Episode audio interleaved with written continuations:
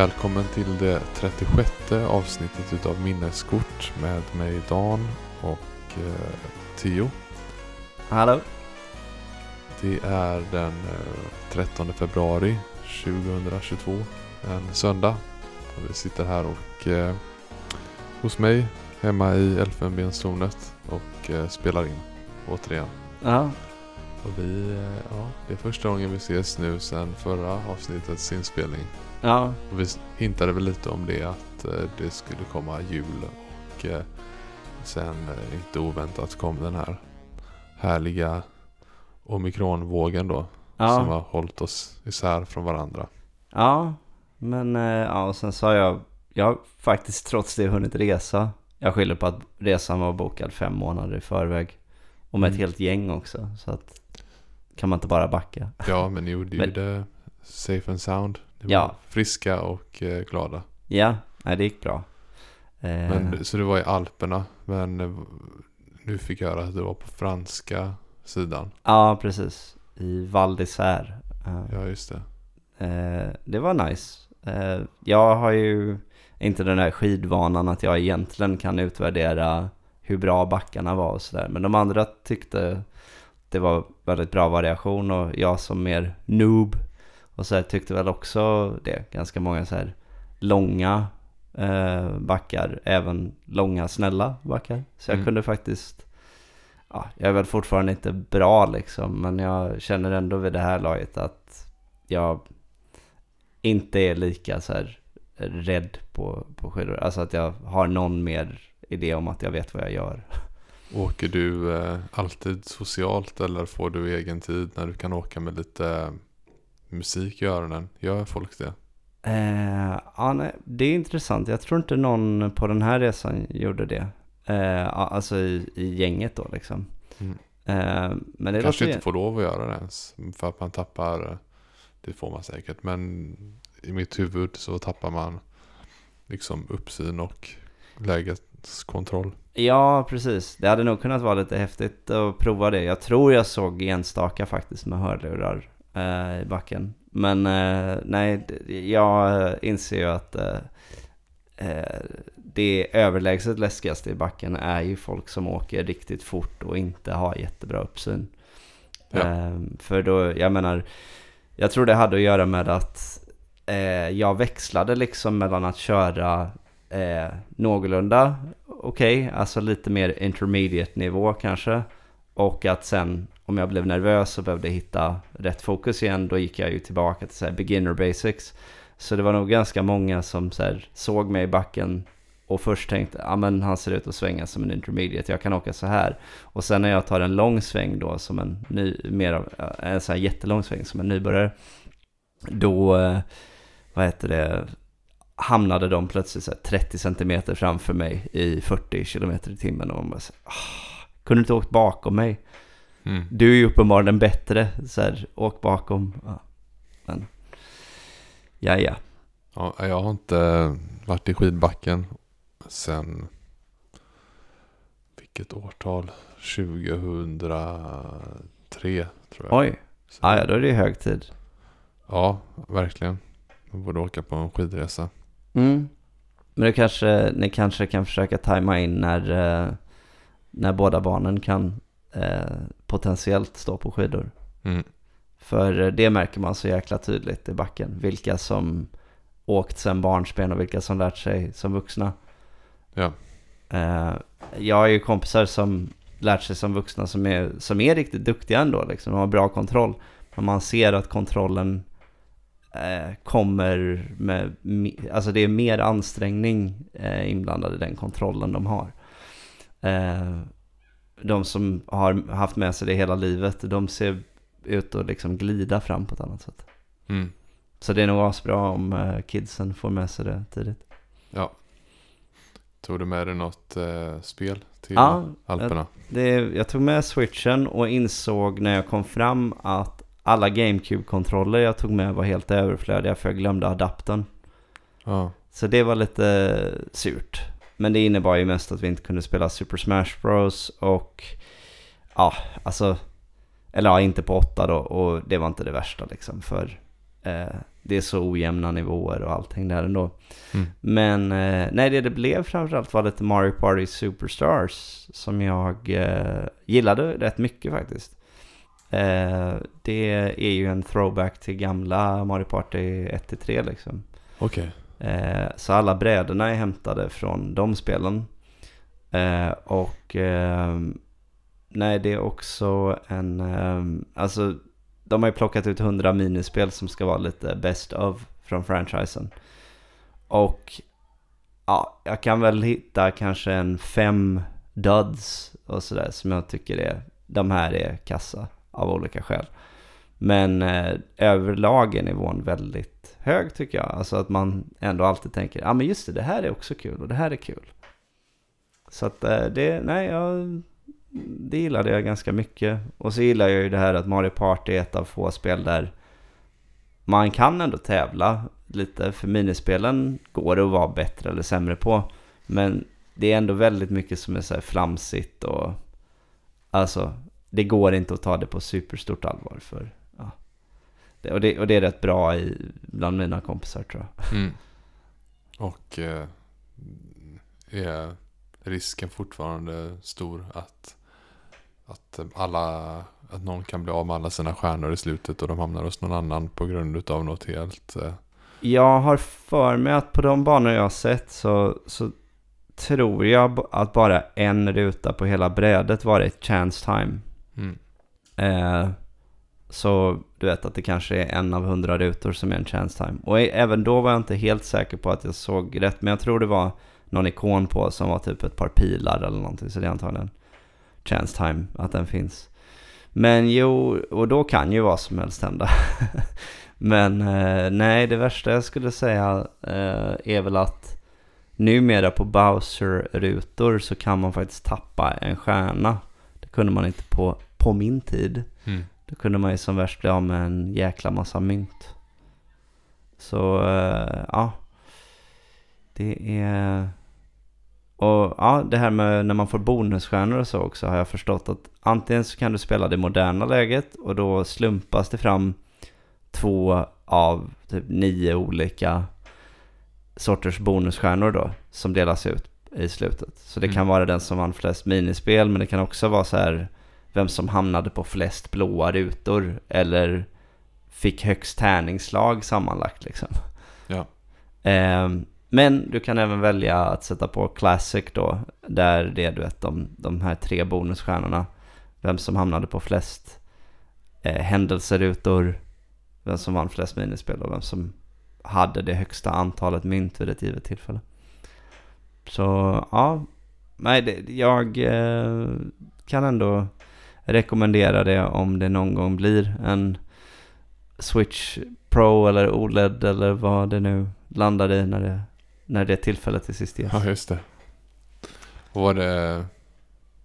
Spelade du det spelet under julen också? Det har hunnit vara jul. Eh, eller spelade du någonting annat då? Eh, Om ens se. något. Över jul, vad blev det då? Nej, alltså jag kommer inte ihåg eh, om det... Då blev det nog inte så mycket. Nej. Jag provade... Härom veckan provade jag Sackboy lite grann hemma hos min bror. Spelade tillsammans med brorsan och svägerskan och eh, ena brorsonen. Det var kul. Eh, uppenbar liksom inspiration från de här Super Mario 3D World och sådana saker. Men eh, ja, en eh, värdig eh, variant tycker jag. Eh, med helt annan estetik och ändå ganska smidig styrning och sådär. Jag tyckte det var bra. Okej. Så du då? Har du fått in något gameande? Ehm, ja, då får vi väl ta från och med när vi senast umgicks. Ja, för det blev lite julspel kanske. Mm. Ja, alltså det, det fanns eh, helt klart eh, spel med i bilden under exempelvis julledigheten då. Mm. När man firar med, eh, vi har väl stor familj om man säger så, precis som dig och så stor ingift familj på olika håll och sådär. Ja, Så nu var vi med eh, några utav dem Mm. Och då var det ett syskonpar utav eh, mina barns kusiner. De fick en PS5. Jaha. Eh, och båda gillar Spiderman. Så Ja. det, det blev det på direkten då. Det- Miles Morales. Ja, precis. Det. Och ehm, Men för min del så, ja. Jag har spelat och jag har spelat ett gammalt spel. Mhm. Återigen kan man säga. Men nu har jag väl spelat det kan man säga en gång för alla. Eh, nämligen Tetris Jaha. på mitt Gameboy. Ja. Eh, och jag, det har man ju spelat massor Ja. under uppvuxnadsåren. Mm. Men eh, jag har väl alltid spelat på det sättet att jag bara tryckt liksom tryckt mig fram så fort som möjligt på menyn och då hamnar man alltid i läge A från början Ja, på nivå 0. Precis. Ja. standardläget. Ja. Och så tänkte jag att för mig har det alltid varit, ja, men man har väl klarat det då om man har tagit sig över 100. Ja. Eh, eh, vilket jag nu gjorde igen. Men så tänkte jag, nej men det är ju i, eh, ja, det, teoretiskt sett ska det vara oändligt med nivåer där. ja, exakt. Men eh, jag ville ha ett riktigt endgame. Och då Mm. var det väl vi som pratade lite om att det finns ju faktiskt i läge B. Mm. Eh, om man kör, vad är det, nivå 9-5 tror Mm. jag det är. Så kan man ju få den här rymdraketen Ja, och lite eftertext. precis. Så då tänkte jag, men det ju, måste ju vara endgame då. Ja, så att du kan Ja. beta av det på listan ändå. Ja, så då nötte jag det ett tag. Lägga till det i excellen Mm. Jag är inte med klarade spel. Ja, jag, eh, jag är inte jätteduktig på Tetris antagligen. Men jag klarade det i alla fall. Ja, nej, jag är inte heller, eh, jag är inte heller superduktig, men jag minns det ändå som att jag till sist krånglade till att klara det. Mm. Eh, men, eh, ja, har jag en kompis som är, som eh, brukar lyssna på podden, som spelat väldigt mycket Tetris 99. Mm. Och liksom, eh, jag, bara, jag har bara varit helt fascinerad när han spelar. För det ser liksom, ser väldigt smidigt ut och som att han bara öser in den ena raden efter den andra och setups och sådär. Och det måste däremot vara så jäkla jobbigt för det är ett sånt här, du vet, Battle Royale Tetris-style. Ja. Och ja, som jag sa liksom, för, för mina ögon ser han ut att spela skitbra liksom. Och sen så är det så här, nej men jag kom nia. Alltså han kommer, han kommer ofta mellan så här sjunde och sextonde plats eller någonting. Och har eh, väldigt, alltså med, sett till antal omgångar så har han väldigt få segrar har jag förstått det som.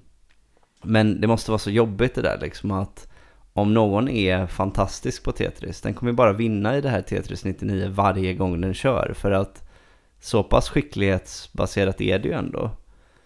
I de flesta av de här Battle Royale-spelen så är det ju ändå att om någon är jättebra på PubG, ah ja men någon gång så bara den landade på ett ställe där den inte skulle landat och så hittade någon ett bra vapen direkt och bam, död. Ja. Men eh, i Tetris, om du är duktig så är du duktig liksom. Visst, jag har förstått att man kan attackera varandra på olika sätt, men ändå. Mm.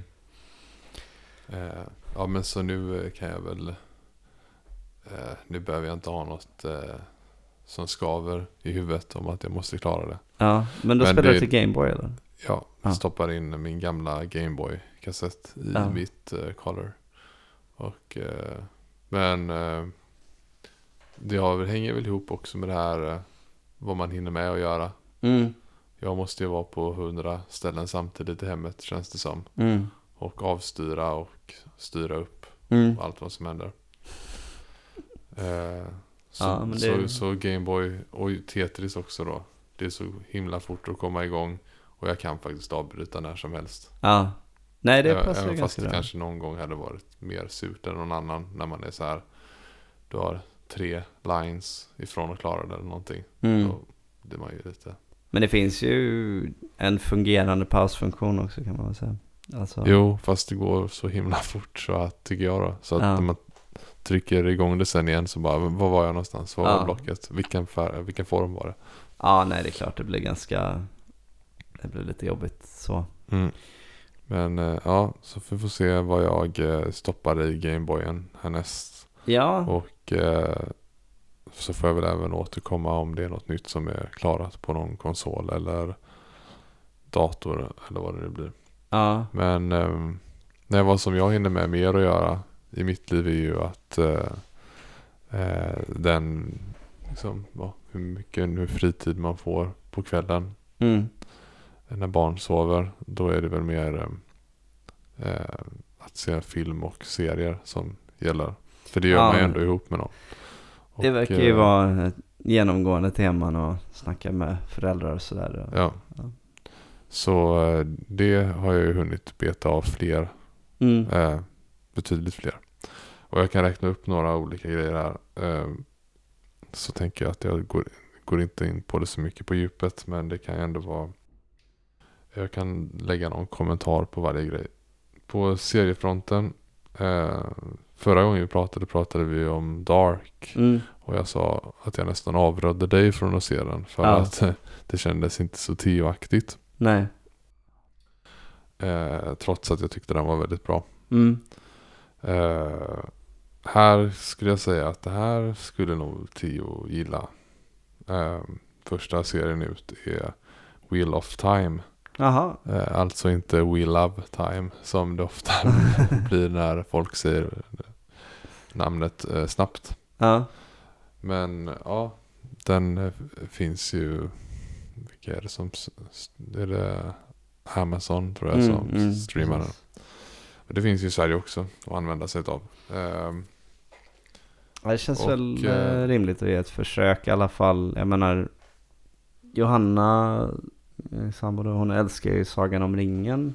Ja, och det här är ju också fantasy ju. Och jag menar, vi båda älskar Got. Ja, jag tycker Ja. Sagan om ringen är bra för övrigt, men Ja. eh, det finns liksom nivåer av Jo, frälsning. eh, det har väl varit blandat om det här, antar jag. Eh, åsikter som Mm. går isär. Jag tycker att man, kanske ett, någon, någonting man gör eh, eh, fel nu för tiden är att man alltid så fort det kommer en ny relativt stor serieproduktion Mm. så, eh, så ska den alltid liksom mätas med att kommer det här bli det bästa jag någonsin har sett. Mm. Och så ska man kanske inte se det. Eh, Nej, det här är, den var bra underhållning, snygg produktion och eh, ja. Det, om du ser den så kanske det blir ett sånt här så kallat seriesnack i alla fall. Då kan vi ta mer om det tror jag. ja, Men eh, den finns att se. Eh, så det såg jag, eller vi såg första säsongen utav den. mm. Sen såg vi också, det här var faktiskt innan då, så tror jag det var, jo. Så såg vi först, såg vi andra säsongen som kom på Netflix utav Witcher. ja. Eh, Och ni såg den väl på svenska hoppas jag? Dubbat i svenska? det går att göra eller? Ja, Jaha. Ja, Det borde man nästan göra för skojs skull ju. ja. Du vet när det, det ska ändå vara liksom så här medeltida känsla. Jag har inte sett det själv men jag har bara sett något klipp. Och så är det att vet, de kommer in på en sån här taverna Mm. och sen så eh, säger de ungefär som Ge er inte på min vän! Alltså det är väldigt Åh nej. Stockholms... eh, Oj. ja, det är ganska kul. Ja, det blir roligt på Mm. sitt sätt. Och eh, nu senast såg vi The Book of Boba Fett. Ja, Eh, och den finns då Witcher, Netflix och den andra är Disney. mm. Så numera behöver man liksom ha fler kanaler än man behövde på den gamla, gamla goda tiden. Ja, precis. Nu är det en, en kanal för varje finger på handen ungefär. Ja, precis. Eh, Och eh, ja, den eh, har jag förstått att du inte heller har sett än. Nej. Kanske. Så beroende på, jag antar att det finns en chans att du kommer att se den också. Ja, Så eh, då kan vi se om det blir ett eh, seriesnack eller inte på det. jag funderar på om det inte kommer bli så att jag, alltså man kanske kör något sånt där. Nu finns ju alla Eh, avsnitt ute. Så det är mm. bara att, Precis, jag funderar däremot på om man ska satsa på att eh, köra ett abonnemang eh, en kort tid när man sveper igenom flera samtidigt och därmed också till exempel ser den alltså Obi-Wan kommer ju om, ett om några månader. Just det. För den, kan, den är nog den jag helst vill se. Av Mm. nästan av alla. Alltså jag har gillat The Mandalorian, det har jag. Mm. Men eh, jag tycker ju Ewan McGregor som Obi-Wan är ju en, eh, en av styrkorna i prequel-trilogin och sådär. Och eh, det känns som att det kan bli bra. Ja. Ehm, ja, nej men... eh, ja. Vi såg faktiskt en till serie kom jag på nu. mm, Men den är inte så... Den glider liksom inte lika lätt in i vårt sammanhang här. nej. Men tredje och sista säsongen utav uh, Afterlife finns också. Ah, okej. Eh, jättebra serie faktiskt. Ja, jag har bara sett de första två avsnitten eh, när jag hälsade på mina föräldrar och så ja, glömde jag liksom se den ordentligt eh, själv sen när jag kom hem. Mm. Ehm, men den måste jag plocka upp igen. Den känns... Ja, den behandlar ett eh, jobbigt ämne på ett väldigt roligt sätt. Ja. Helt enkelt. Ja, precis. Och eh, av filmer då så kan jag räkna upp dem. Och så kan jag ha något utlåtande sen. Jag tror att det här är ganska så eh, kronologisk ordning. Eh, först ut Mortal Kombat. Och eh, den finns på HBO. Och sen eh, eh, The Power of the Dog. Och sen, det här var på nyårsafton, Don't Look Up. Och eh, sen Arrival. Och sen Annihilation. Och sen The Revenant. Eh, därefter eh, Zombieland Double Tap. Det är alltså den andra filmen då. Eh, sen The Dark Tower. Och nu igår kväll såg vi The Matrix Resurrections. okej. Och för att sammanfatta alla de här filmerna kan man säga att det är en film som sticker ut. Mm, Eh, förra gången jag räknade upp massa filmer för ganska många avsnitt sen. mm, Så var det också en film som stack ut. mm, Fast på ett väldigt bra sätt då. mm. Här är det tvärtom. Ja. Och eh, du skrattar när du har Mortal Kombat. Så då, och det är ju så här. Inte så otippat om det skulle vara den. Eh, eller för den delen Matrix som vi såg igår. Den har ja. inte fått så bra kritik heller. Nej. Men det är faktiskt inte någon av de två. Utan det är en film utav de här som är så fruktansvärt dålig. Ja. Eh, tyvärr. Och det är The Dark Tower. Ja. Som är då. Den baseras ju på de här böckerna från Stephen King. Ja. Och eh, ja, alltså wow. Jag, Jag reagerade när du sa det för jag vet att det snackades lite om den inför att den skulle göras och sen så glömde jag bort det. Du vet, jag har ingen investering Ja. i den själv men ja.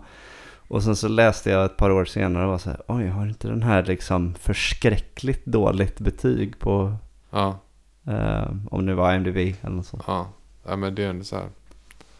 Både Idris Elba och eh, Matthew McConaughey. Ja, han? Ja. Det är ändå så här ganska erkänt duktiga skådisar. ja, Gör båda skitroller. Speciellt McConaughey. Alltså- fruktansvärt dålig. Men allting är dåligt med den. Alltså, men är den, finns det någon typ av så dålig så att det blir roligt? nej, det är ju det. Alltså det är inte på The Room Nej, nivå. Utan det är bara att det är så dåligt gjort allting bara. ja. Ja, det är, ja. Jag hade kunnat liksom ta mer tid till det men det känns inte värt. Utan det är bara... Anledningen till att jag såg den var ju för att jag gillar ju böckerna så. Ja, Det universumet.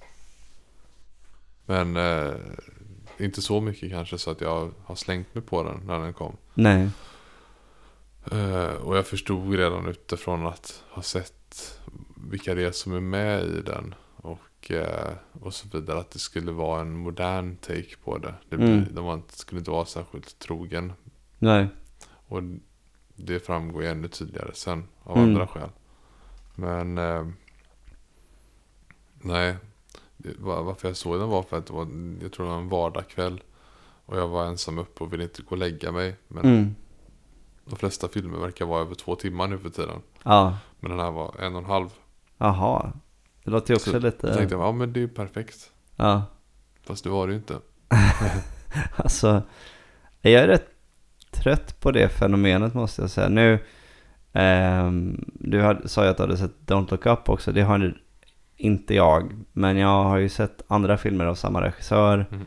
Eh, till exempel senast Vice då innan Mm. dess. Och när jag såg trailern för Don't Look Up så upplevde jag att det var samma varningsklockor för mig som med Vice då. Vilket är att i, i Vice så, den är så otroligt liksom eh, övertydlig med budskapet Dick Cheney är ond. Okej, Mm. så om ni inte har miss, eh, eh, bara så att ingen missar det. Han Mm. är ond. Och Don't Look Up verkade ha också lite den här grejen liksom att det, det är miljögrejen, det är en kommentar kring växthuseffekt. Eller vet så här, Mm. det, det verkade inte finnas så mycket subtilitet i det då. Men det Nej, kanske du vet. den, eh, den, den var inte jättebra den filmen.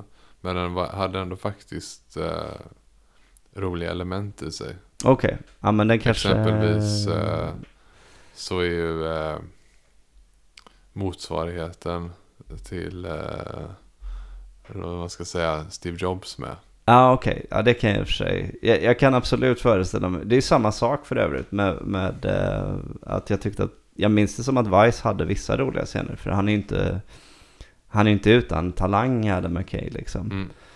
Men eh, det kan jag tänka mig var riktigt kul då, med någon Mm. Jobs eh. Ja. Och att för, för en gång skulle inte framstå som ett helgon utan snarare tvärtom. Ja, ja men okej, det, det blev jag nyfiken på nu då. Då får jag kolla in. Om inte annat måste jag se eh, den biten. Det låter kul. Men den är, alltså den är sevärd. Det är bara att den inte... Den, den kommer inte gå till historien som, du vet. De säger ju att man kommer ihåg de riktigt bra filmerna och de riktigt dåliga. Ja, Och den här är ju varken då eller.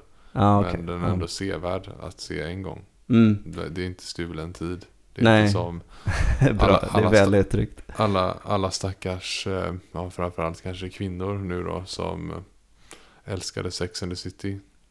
Vilket jag tyckte var en jättebra serie också. Ja, Eh, Men jag har inte sett eh, den här senaste nu då.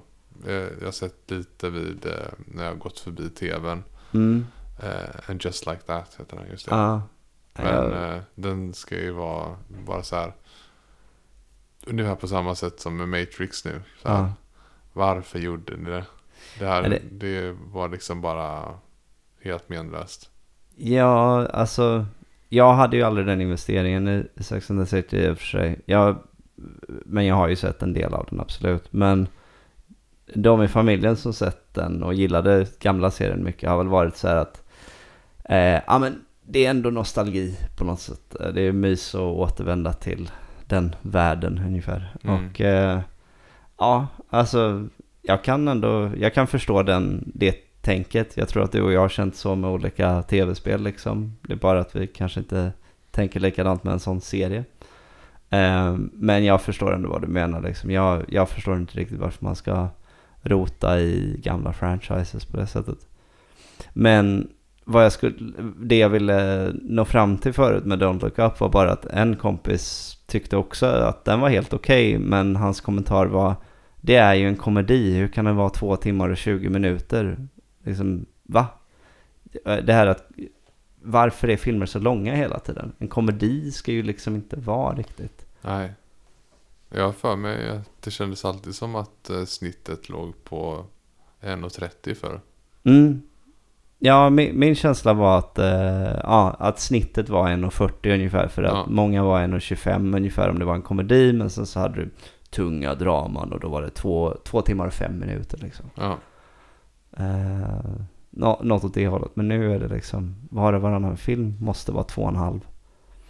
Och det är synd för det är ganska många gånger du vet som jag sitter, eh, som vi sitter på kvällen hemma och så kanske klockan är, ja men vi säger att klockan har hunnit bli åtta Ja. och så vet man att eh, vi ska upp jättetidigt dagen efter och så. Så, så blir det den här, ja men om vi börjar nu halv elva är den slut och så ska man göra så här, ja det blir lite jobbigt nu. Ja. Eller du vet det här, men om den var 1.45 så hade man alltid, ja. Ja.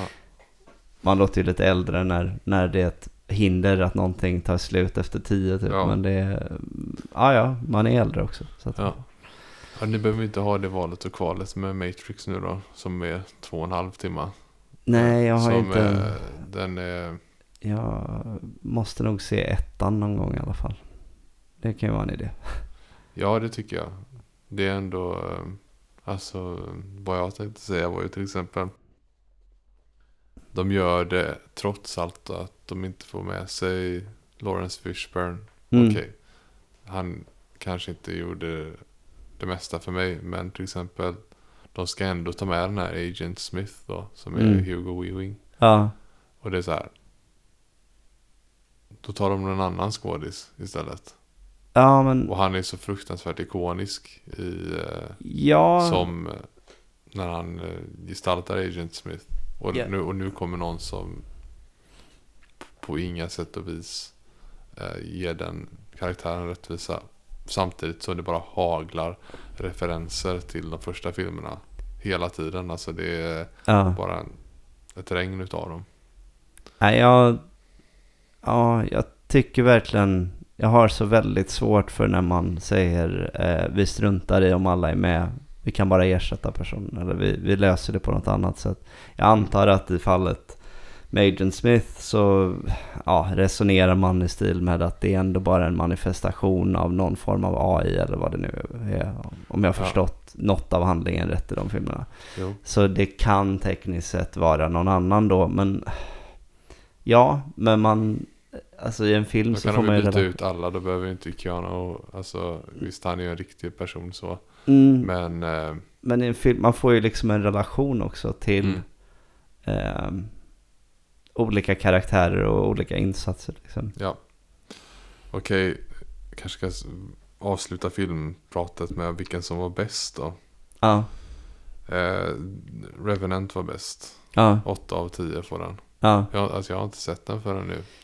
Eh, och det är ju konstigt. Men jag förstår för eh, Leo fick en Oscar. Ja. Det var en väldigt bra insats av honom.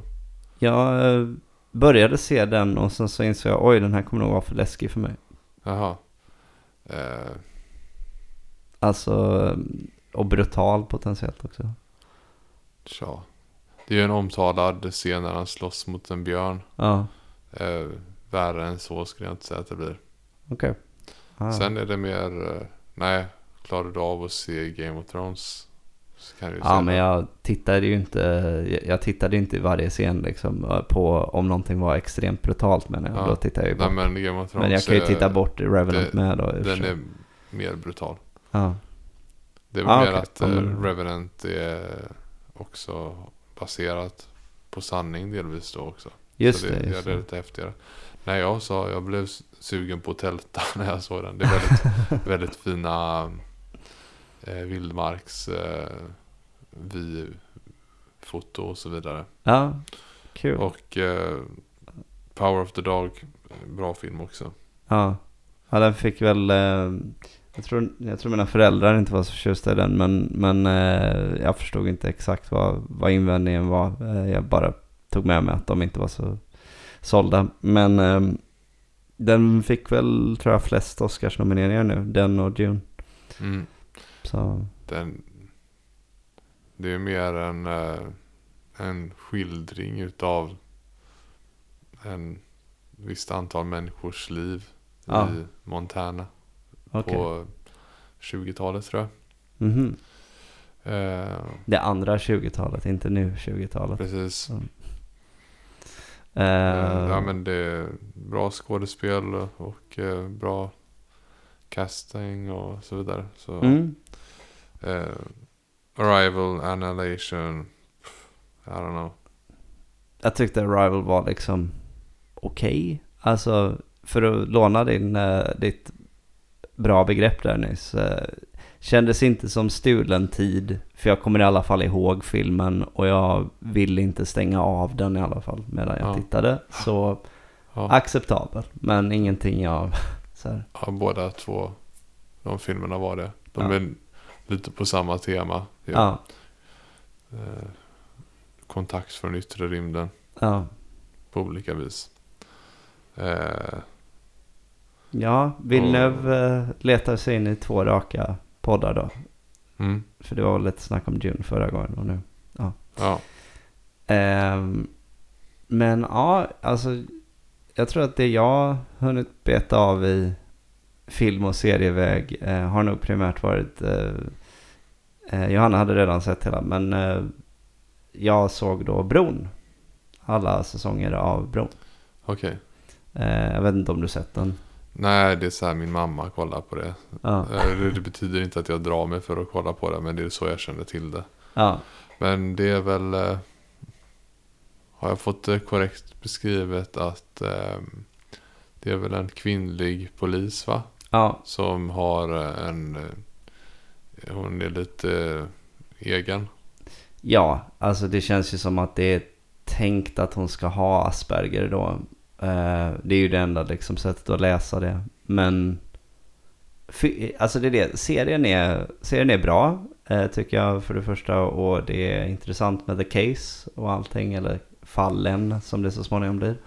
Om man tittar fler säsonger då. Ehm, och det är en rolig dynamik mellan Eh, henne då, alltså som är jättestel och allting. Och hennes eh, danska kollega då som är mycket mer, eh, vad ska man kalla det? Ja, mycket socialare och mycket mer förankrad i hur folk är i vanliga fall ungefär. Men eh, mitt, mitt problem genomgående med serien, särskilt då i, i den mån det är känslomässig utveckling och sånt där, är att eh, hon, är, hon är liksom en karikatyr på Asperger. Eh, det finns ingen sån människa på riktigt som den här Saga Norén.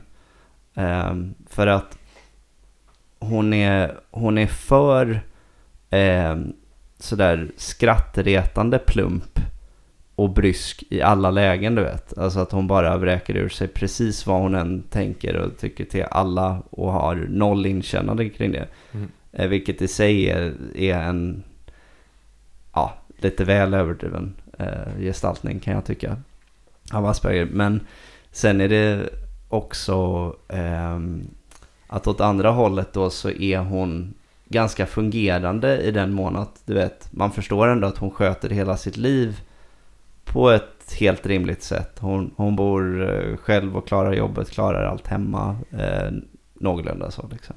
Så att det är något som inte riktigt går ihop i ekvationen för mig.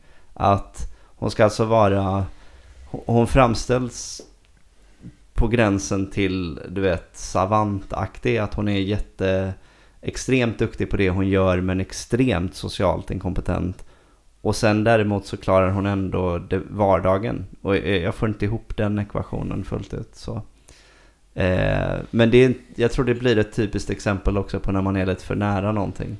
Alltså, så här, jag, ja, jag är lite aspig själv, men inte liksom till den graden kanske så. Men, eh, men sen är det också, jag är uppvuxen med liksom, psykiatriker och sådär som, så att jag kan ju en del om, om Ja, diag- diagnoser etc. Mm. Eh, och då klingar det lite falskare för mig. Jag tror att har man inte hela tiden den där att läsa det på djupet då, då tror jag bara man tycker att det är så ja men det är väldigt underhållande och hon, är, hon spelar det roligt så liksom. mm. Så att, eh, det är ett, eh, måste vara ganska svårt att eh, om det nu var liksom den som skrev den här karaktären mm, eh, ville, då, nu har ju inte jag sett det här som sagt, men den vill då uppenbarligen framställa den på det här sättet. ja, Det måste vara svårt att hitta vad man ska förhålla sig till. För jag menar, jag har vuxit upp med eh, vänner som uttalat har det. mm, Och, eh, och jag känner dem väl och det är inget konstigt med det. Eh, eh, samtidigt så som man sen senare under livet så får någon annan till exempel den diagnosen då. mm, Och då säger de, ja men gud vad skönt för jag känner att det har varit någonting så här. Eh, som gjort mig annorlunda gentemot till exempel andra. ja, Men så, så tänker jag, men vem var det som ställde den här diagnosen? ja, För nej, det här är inte alls Asperger. nej. Utan kanske vissa drag men inte, Eller jag- jag ser, vad är dina drag överhuvudtaget i Mm. det? Det är, alltså det här, det känns mer som att eh, den som har suttit och eh, gjort den här utredningen eller vad mm, man ska säga. bara försökt att hitta en enkel väg ut. Ja, Att, eh, att ehm, det blir en jättedjup diskussion av det här om man fortsätter längre tror jag. Men det känns mer så här kort och gott som att eh, för inte länge, så länge sedan så kunde en person liksom glida igenom precis som vem som helst annan. mm, Men med så här bisatsen att den var lite egen utav sig. ja, Men nu ska allting liksom vara svartvitt. Eh, eh, antingen har du det eller så har du det inte. Och har du det så har du det exakt lika mycket som någon som faktiskt eh, då eh, har det eh, på ett, vad ska man säga, mer klockrent sätt. Ja, alltså framförallt så, eh, jag håller ju med dig, man kan snacka jättelänge om det, men för att lite fortsätta på ditt spår här så är det väl, är väl den stora distinktionen om, ja, dels om det, dragen finns där överhuvudtaget såklart som du säger, det Mm. blir ju konstigt om, om man drar det från ingenting, men det andra som är så jättecentralt är ju, är det hämmande. Alltså, du vet som du säger, om någon varit lite egen, men okej, den har haft kompisar, den har klarat skolan bra, den har eh, träffat någon den gillar. Alltså, Mm. du vet, alla de där bitarna.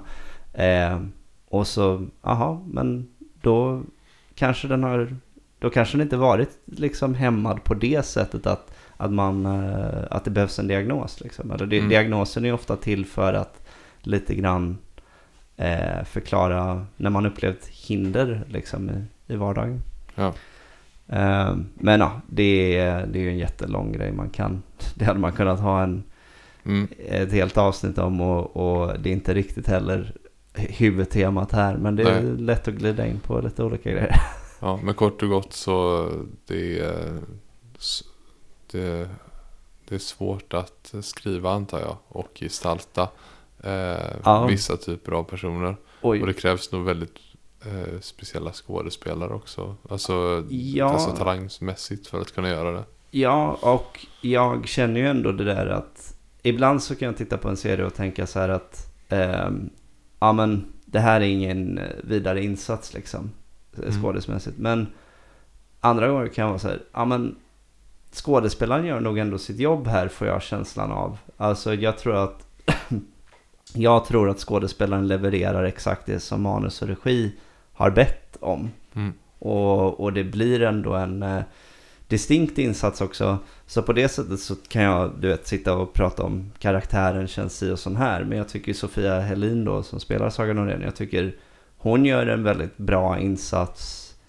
ändå känner jag. För hon gör nog precis det som det är tänkt Mm. eh, för karaktären. Eh, men ja, den, eh, den är ganska bra hela vägen skulle jag säga. Men säsong ett är ändå uppenbart att man liksom, som så ofta annars, alltså det är där fallet är, är bäst liksom. Och så, så att, ja. Ja, okej. Ehm, det andra är bara att jag var på bio häromdagen och såg eh, House of Gucci. Två av fem, bästa fall. Kanske två minus. Men eh, ja. Så det, vad betyder det i din värld? Att då är det stulen tid? Eller är det gränsfall? Eh, ja, precis. Gränsfall skulle jag säga. Det, det är lite fina miljöer, det är ett ganska bra soundtrack. Det är en, alltså som en Wikipedia-artikel betraktat så är det en fascinerande historia. Mm. Så att det finns någonting, eh, liksom några smulor att ta av. Så med allt det sagt så kanske jag måste landa i en slät två ändå. Mm. Eh, Men bara så mycket som inte riktigt funkar. Ja. jag. Men av allting liksom inom, ska jag säga, media som är liksom helt och hållet eh, linjärt utan någon form av interaktion så Mm. skalar jag bort egentligen att läsa och spela spel. Mm. För att läsa kräver ändå lite ifrån en. Mm. Men att titta på en film eller lyssna på musik, Mm. det, du behöver egentligen sitta väldigt passivt till det. Nej, precis. Men mycket av det så kan det vara bara så här, ja men nu slipper jag undra i alla fall hur det var. För nu har jag sett det eller hört det. Ja, men lite så. Så, då, så det, kanske det varit stulen tid om du hade behövt att se den igen för att någon, du har filmkväll och eh, alla får rösta på varsin film. Och så väljer någon i gänget den här. Ja men exakt, det, det är väl ganska väl sammanfattat så. Men eh, jag menar, det, det kanske låter lite hårt men jag, jag kan ju säga att det är nästan på nivån att ett betygssteg rakt av försvinner på beslutet att alla ska tala italiensk engelska som dessutom är, de har alla helt olika dialekter och Mm. du vet eh, intonation och allting. Det känns inte enhetligt överhuvudtaget liksom. Eh, så det, det blir ju lite parodi av det hela nästan. Du vet. When they talk like this, uh, Ja. how can you take seriously any scene? Uh, Och jag blir, jag blir eh, många gånger provocerad där med att vänta lite. Hade de här personerna egentligen kunnat prata, ja, i det här fallet italienska med varandra? mm, Eftersom de båda uppenbarligen då bryter på det. ja. Varför gör ni det jobbigt för er? Det känns inte... Det, det är ju det mest så här, eh, Då är det bättre att man gör som i den här Chernobyl-serien. Bara ah, okej, men alla pratar precis. antingen brittiska eller amerikanska. Bara kör. Jag tycker det är helt rätt beslut faktiskt. Alltså, för då blir inte det, då blir inte det någonting som avleder den från vad som faktiskt äger rum. Alltså jag behöver inte sitta och tänka, ah okej han, han låter i alla fall lite russian liksom. Mm. Men, men okej, men han talar inte ryska, vilket är vad han egentligen hade gjort. Mm. Så att, eh, nej, jag håller med dig där. Eh, bättre med det upplägget. Eh, ja, nej, så det är väl lite grejerna som jag eh, kollat då. Eh, ja, och sen så som vi snackat om tidigare, det är ändå, gå på bio är ändå en lite kul grej. Så att, Mm. Ja, men eh, får se vad som kommer framöver nu. Det var en Nintendo Direct nyligen. Mm. Det var Men- om Mario Kart. Men, Just det, med eh, 48 banor till som ska släppas.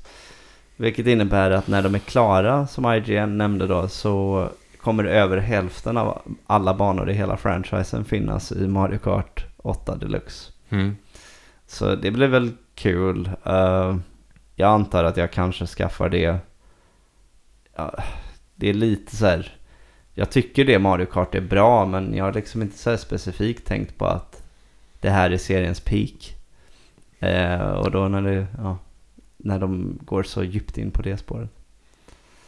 Mm. Ehm, så jag kanske inte blev mega peppad på det. Men eh, jag blev, jag förvånade mig själv lite med eh, att jag, tyck, jag blev rätt sugen på Nintendo Switch Sports. Mhm. Såg du det? Nej. Ja men det är liksom Wii Sports igen i princip. Bara det att ja, de har tweakat lite sett till att tennis är tillbaka då. Från det gamla. Och bowling var nog faktiskt också det. Eh, det vilket jag aldrig gillar så mycket. Men de hade även med eh, Chambara, eh, tror jag det hette. Det verkade vara typ fäktning av något slag. Det såg lite ut som att man så här ljussabel slåss med pinnar liksom. Så Mm. det tyckte jag såg lite skoj ut. Och sen så framförallt så tyckte jag det såg kul ut. eh, De har lagt till fotboll nu.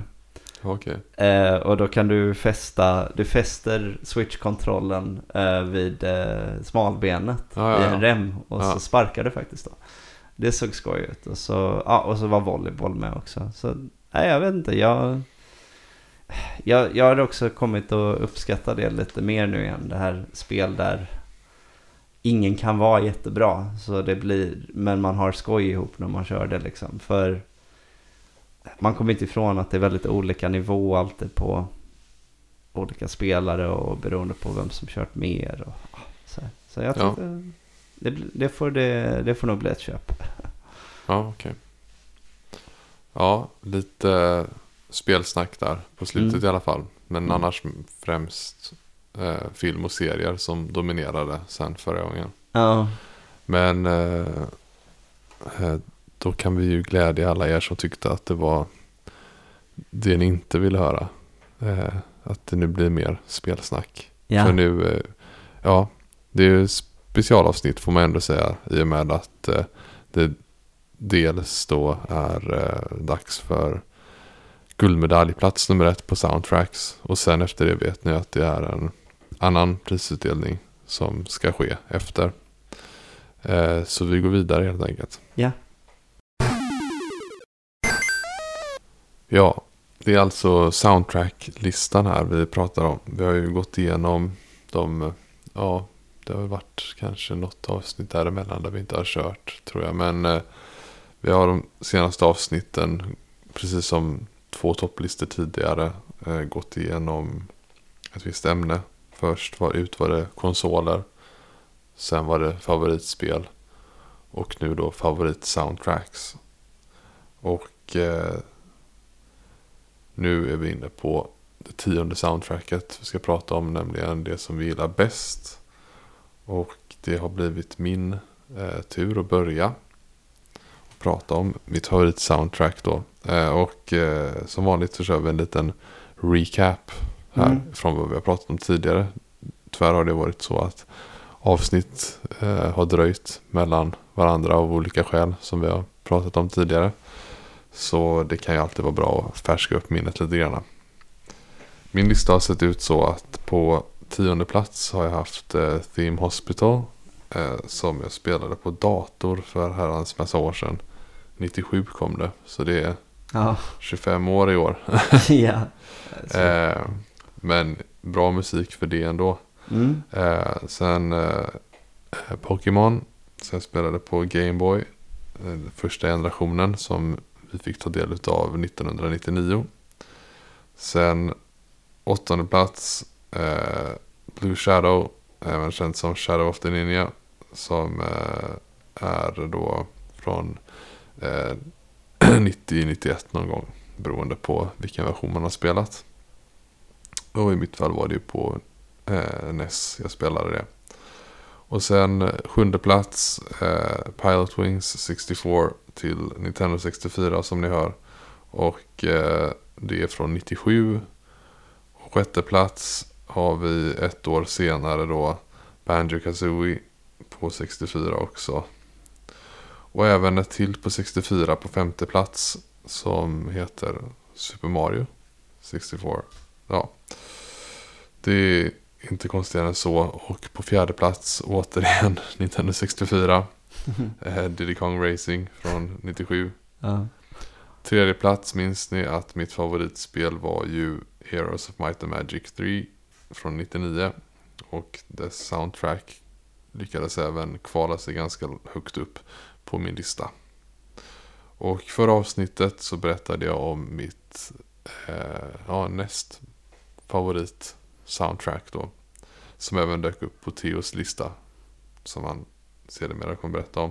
Eh, Final Fantasy 7 från eh, 97 till Playstation. Och nu då nummer ett kvar. Ja, eh, vad ska jag säga? Eh, hur ska jag presentera det här? Jo, eh, om ni tänker er listan nu och så tänker ni de spel om ni kommer ihåg det. Jag tänker inte ta den spellistan rätt upp och ner här. Men det finns ju ett spel eller en spelserie som ofta har pratats om här. Som fortfarande inte har haft med något eh, på soundtracklistan. Så det vore ju konstigt om inte åtminstone någon av oss har det. Eh, vad jag har valt som favorit soundtrack. Eh, ja, jag tror att det blir bäst att jag säger vilket det är. Och så fortsätter resonemanget därefter. Det är nämligen då The Legend of Zelda Majora's Mask från år 2000 till Nintendo 64.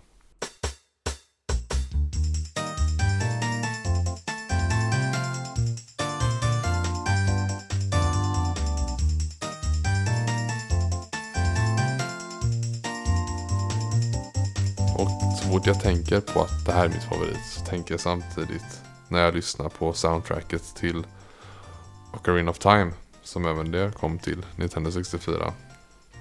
Men är inte det här lika bra eller bättre? Tänker jag när jag hör det. Och det är inte långt ifrån.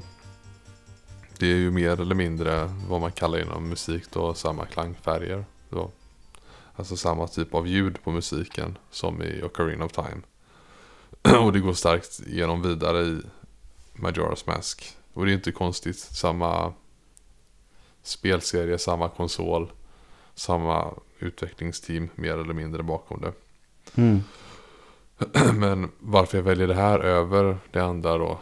Eh, är för att jag tycker att det finns en del teman på det här soundtracket som lyfter det över sin föregångare. Eh, och som exempel kan jag ju ta, Eh, av många olika kan jag ta några stycken i alla fall. Eh, vi har eh, Astral Observatory och så har vi Milk Bar. Och sen finns det då olika tappningar utav Clocktown som är den här centrala hubbstaden som man är i. Så beroende på vilken dag så har, eh, går det här temat på lite olika vis. Det som de flesta kan känna är ju att det blir mer och mer stressfyllt och fartfyllt temat.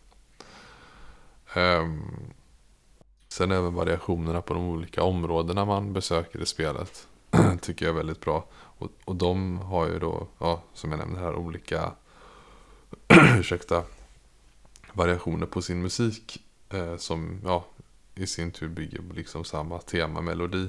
Vilket man gör väldigt snyggt och det blir liksom en väldigt snygg helhet i sig när man spelar spelet tycker jag. Sen går den här musiken utmärkt att lyssna på för sig själv. Och eh, ja, jag tycker att den verkligen lyfter och förmedlar känslan som spelet vill eh, åstadkomma på bästa möjliga sätt. Så det är väl eh, också återigen eh, en förklaring till varför Koji Kondo är den största spelmusikern någonsin. som har framgått här i podden när vi började göra prisutdelningar till spelmusikskapare bland annat.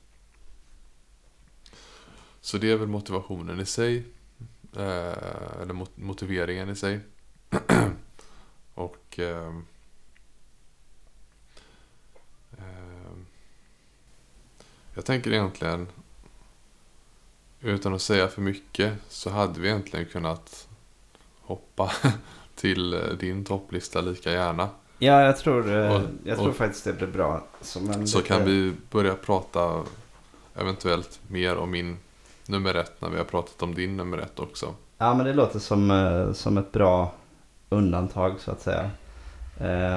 Men då kan jag gå igenom snabbt här vilka mina soundtracks var. Jag tror faktiskt att jag ändrade ordningen lite på min lista från när jag skrev den för länge sedan. Eh, när jag liksom går igenom en fusklapp lite. Vilken ordning de går i. Så jag måste komma ihåg här, du får rätta mig om jag ja, fick det. det fel. Mm. Men eh, först då, eh, tionde platsen var Sonic 2 eh, till Sega Mega Drive. Från, ja just det, det, vad var det, 90, vad är det? Jag kommer faktiskt inte ihåg om det är 91 eller 92 eller något. Ja, det är inte så avgörande men typ 30 år eh, gammal. Donkey Kong Country 2 till eh, SNES från 95, från 95 var nia. Åttonde plats var Final Fantasy 7 till Playstation 1 från 97. Eh, sjunde plats var den här eh, smått fuskiga platsen eh, Castlevania Bloodlines från 1994 till Sega Mega Drive. Vad jag menar med att den var fuskig är ju då att eh, ja, jag har inte faktiskt spelat spelet men jag har lyssnat på soundtracket till det. Och det kan man ju i och för sig tycka är en hyllning i sig. Att jag kan eh, hålla det så högt. Även utan att ha hört det. Jag tror för övrigt att Bloodlines var nog den amerikanska titeln. Och om några tittare, eller tittare säger jag, lyssnare. eh, kommer ihåg det här spelet eh, i europeisk version så var det Castlevania The, The New Generation eller något tror jag det hette. Just det. Och om man vill prata fusk där då så återkommer väl en del teman Precis. i spelet. Det är ju mycket det också att eh, det har många unika bra teman men också en del remixer av klassiker från serien. Men så är det ju i fler spel också. Vi pratar ju Zelda hos mig och Super Mario och så vidare. Precis, precis. Så sen, eh, nej men sen var det Warcraft 2, eh, Tides of Darkness eh, från 95 till PC. Eh, sen var det väl det här att vi lyckades pricka samma placering för, eh, för Super Mario 64. Det är N64 då, från 97. Um, den femte platsen. Sen vill jag minnas att det var här jag kastade om ordningen. Så jag tror att det var att min fjärde plats var Street Fighter 2. Det stämmer. Eh, från 1992 till, eh, till SNES valde jag då. Även om det har kommit en massa versioner av det soundtracket. Eh, och sen var det att jag flyttade upp då Pokémon röd och blå till tredje platsen som jag tyckte var strået vassare. Till Gameboy då eh, från, eh, ja vad, du nämnde ju det också när det kom. Sen till sist Mega Man 2 eh, till Nintendo 8-bit 1991 där. Mm. Ehm, men eh, ja, eh, då är det ju det här att eh, anledningen till att vi kör det här upplägget är att observanta lyssnare har ju, kan ju snappa upp på det jag just sa att eh, samma spelserie har ju inte dykt upp eh, i min lista heller. Alltså den som du just valde ett spel från.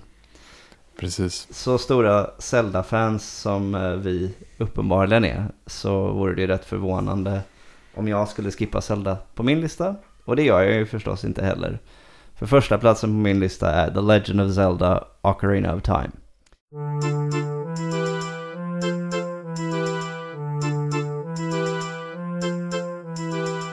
Eh, från 98 då till N64. Och eh, ja, alltså om man ska motivera det lite snabbt då innan vi pratar fritt om de här giganterna. Så är det väl att, ja, jag såg för några år sedan en analys av Star Wars eh, där det var en kritiker då som undrat hur stor serien egentligen hade blivit utan John Williams eh, speciella soundtrack. Alltså, jag menar, vem kan tänka på Star Wars utan Opening Crawl eller eh, the, alltså Theme of the Empire eller vad det är. Uh, the Imperial March menar jag. Det är, ja, och jag kanske inte kan gå riktigt så långt med hela Zelda-serien i sig. Jag menar The Legend of Zelda till, till NES var väldigt, väldigt ambitiös för sin tid även om och, och det var det helt oavsett det otroliga ledmotivet liksom. Men jag kan ändå undra hur många gånger Ocarina of Time hade hamnat på sådana här topplistor som folk gör över allt de spelat i sina liv.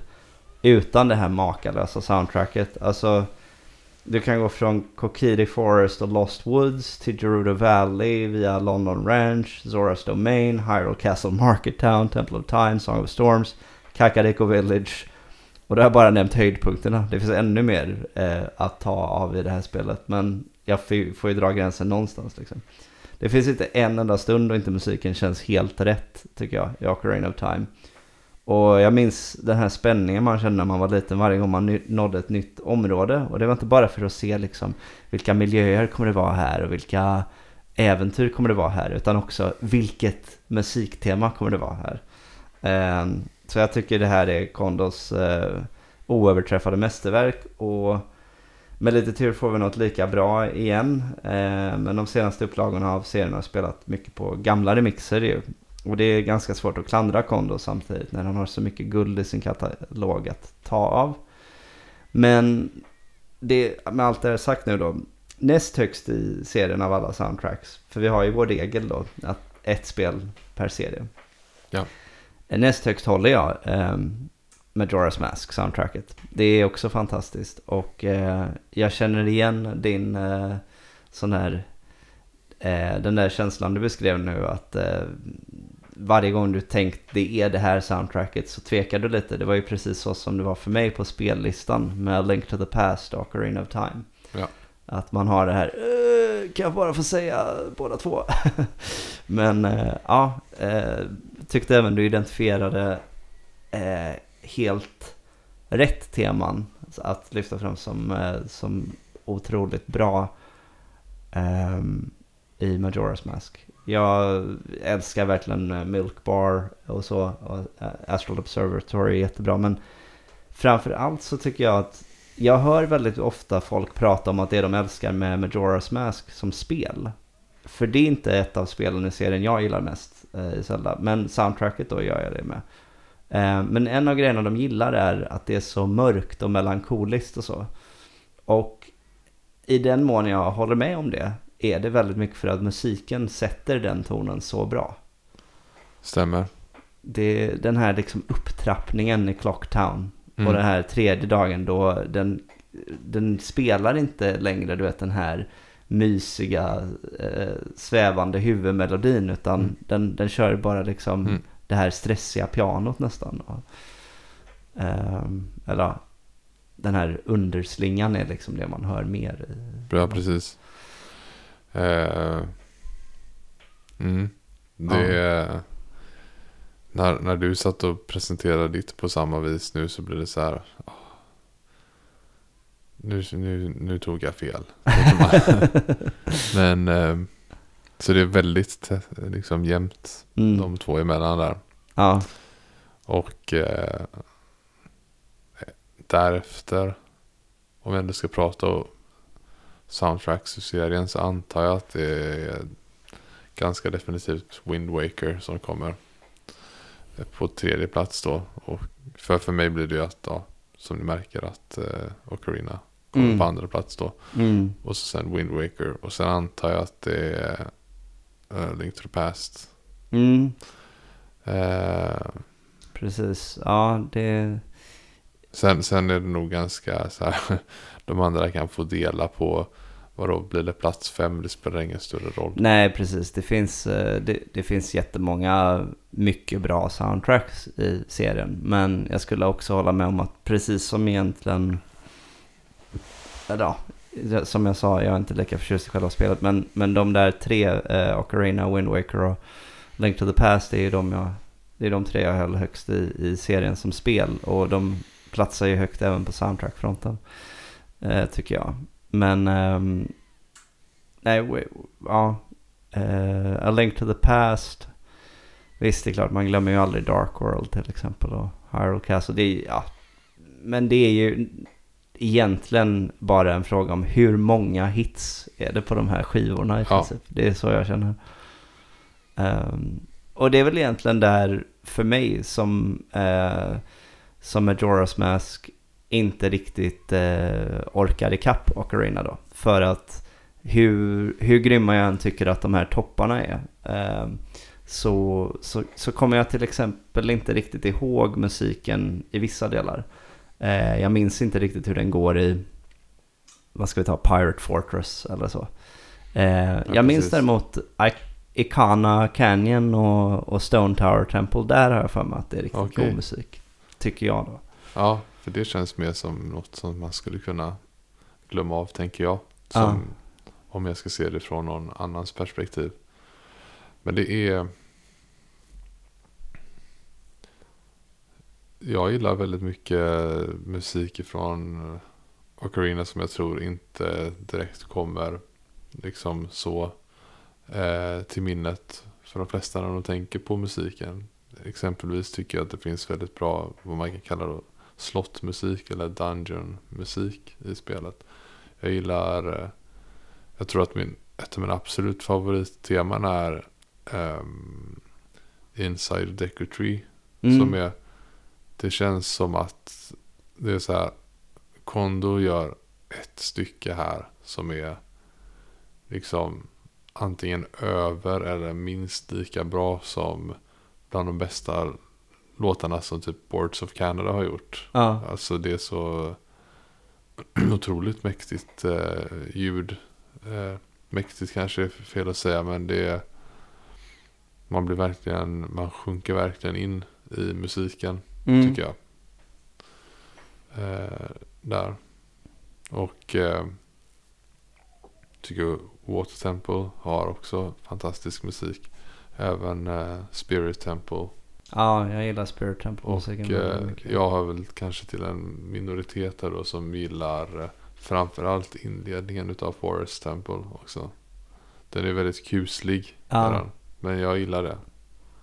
Jag tror att jag kanske hör till människor som gillar kuslig musik. Mm. Och då menar jag inte sån här typisk eh, eh, Jack O'Lantern Halloween musik. Utan Ja. mer eh, stämnings eh, kalla kårar musik sådär. Ja, jag tycker ja, om det om jag skulle välja ett tema till liksom i min upprepning där med tio stycken. Då hade nog Forest Temple fått komma med. För det är liksom, det är så jäkla stämningsfullt. Mm. Man känner alltså ja, det är väl det som e-musiken gör så sjukt mycket för alla de här miljöerna. Mm. Eh, där man eh, bara, man förlorar sig väldigt lätt i det här. Också som du säger, det är ju ett väldigt kusligt tempel. Jag, Ja. menar, jag var ju livrädd för Forest Temple när jag var liten. Det, det var nästan den här, åh nej, det här är alldeles för tidigt i spelet för jag kommer ju ge upp här.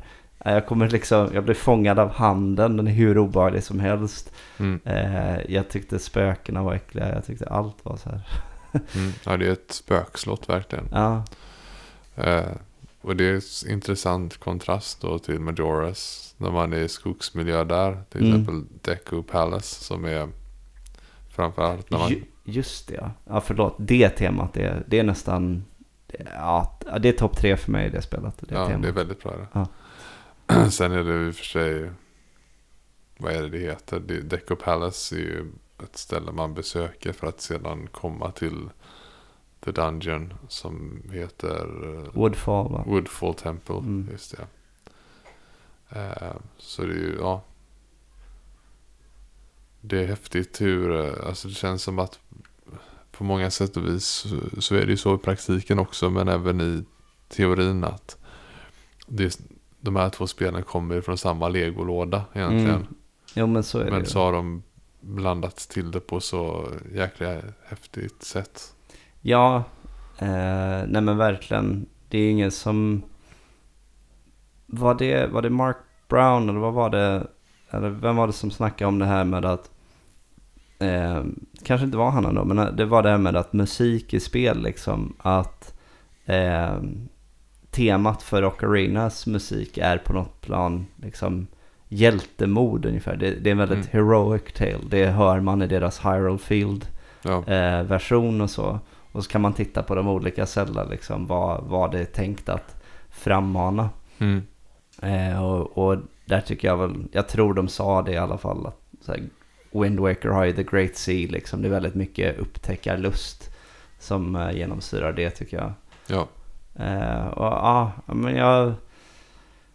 Visst finns det, alltså jag drog ju upp Star Wars här från början liksom. Så visst finns det i film också verkligen att soundtracks kan vara precis rätt och, och allting. Men spel har något speciellt med det där tycker jag. Alltså att, att de fångar det ofta så bra och... Men det är Ja. väl det här eh, som vi har pratat om tidigare. Att när musik kommer i en film. Så kommer den vara exakt lika länge varje gång du ser filmen. Mm, Men i spel så kan du bara få finnas i musiken. Så här, oj, det här stället ser vackert ut. Jag gillar musiken. Jag Ja. stannar nog här ett tag. Ja, precis. Det, det är väldigt sant. Och sen så finns också bara den där att det blir en påminnelse om eh, var du kanske fastnade i spelet. Alltså för att, eller körde fast liksom. Eller var du, vart du hela tiden ville gå. Så här, eh, Kakariko Village var ju någonting man gärna återvände till. Och Market också liksom. Ja, just det.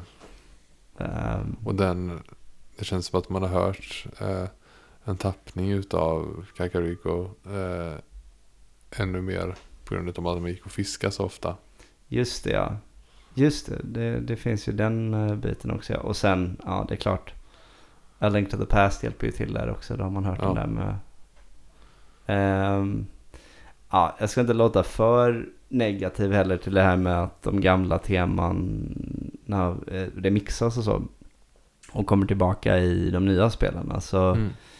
Många gånger är de väldigt bra eh, ny, nyversioner. Det är väl mer bara det här att när man tittar tillbaka på de här spelen och bara ser liksom okej, så det är typ 35 hits här på två spel upplever man det som. Och så kan man ibland känna så här, fan tänk Mm. om det kom ett nytt som Ja. gjorde något liknande. Mm.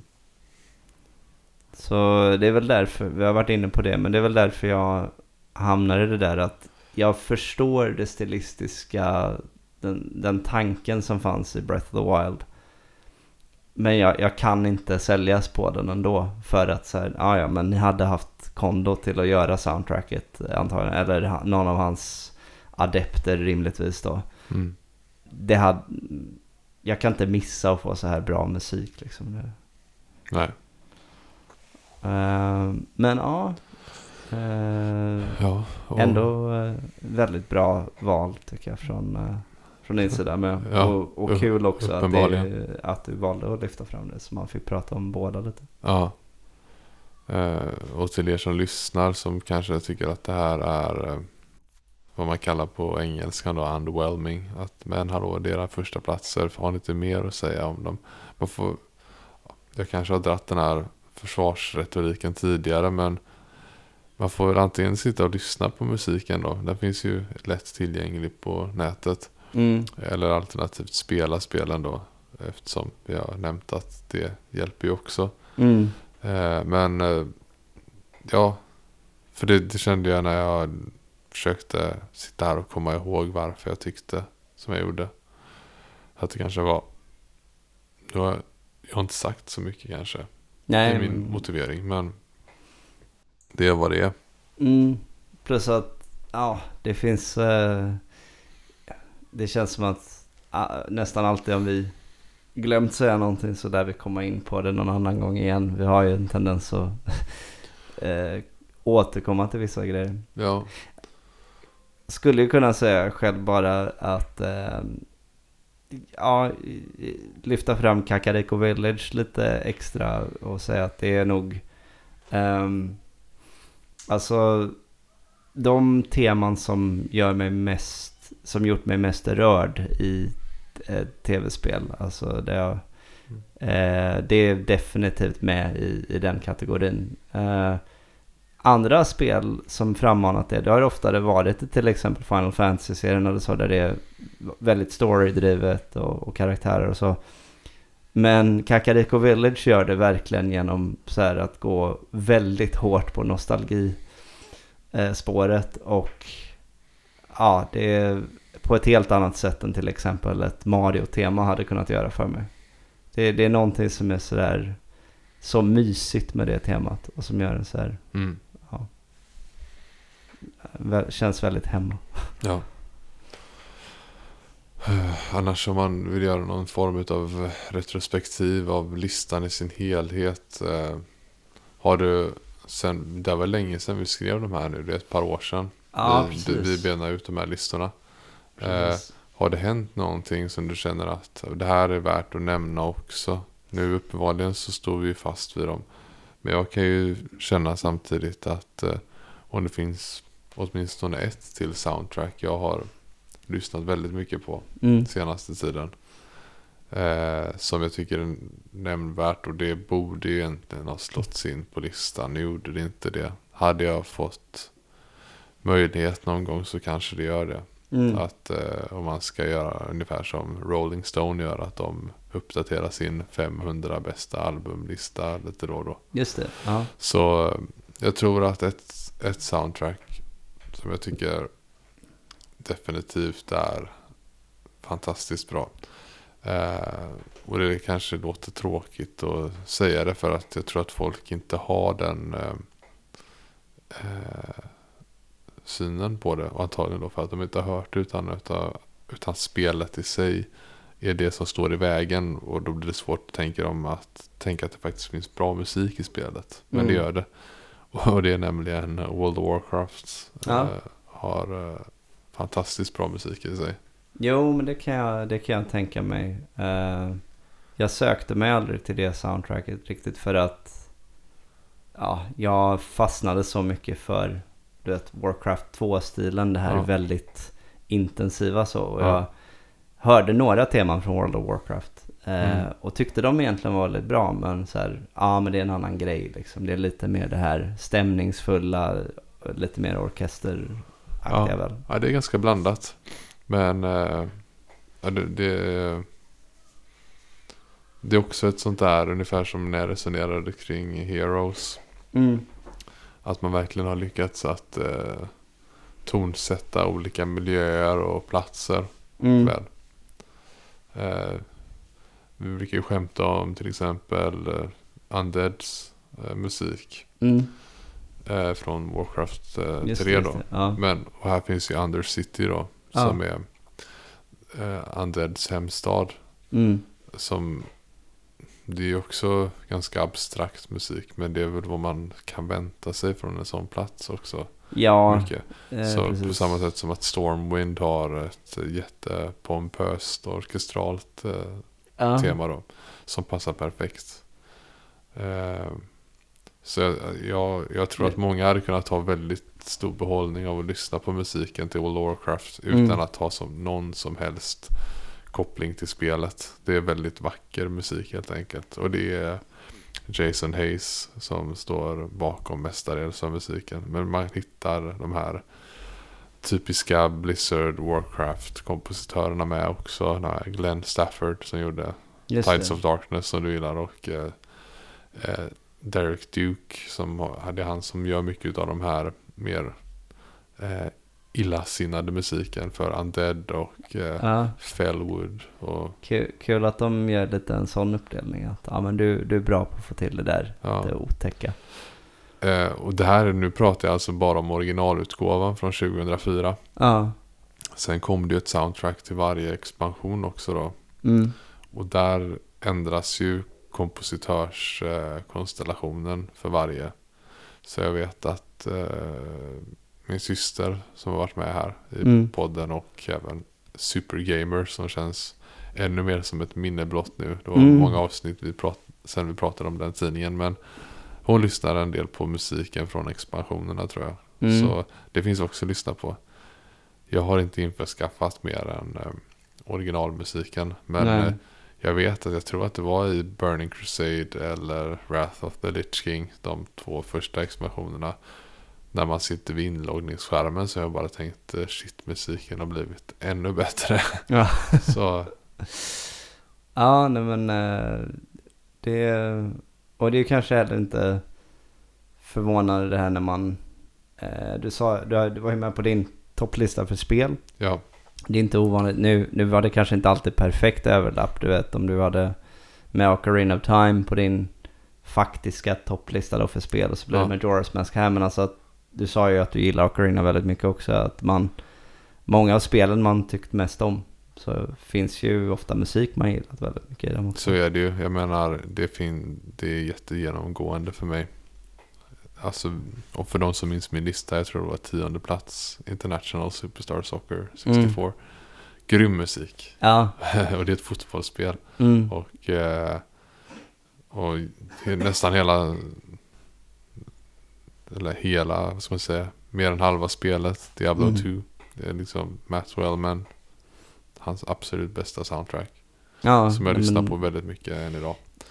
Så det är därför, det skulle ett spel eh, inte ha någon betydande musik så skulle det nog inte ha, ha att göra på min topplista heller tror jag.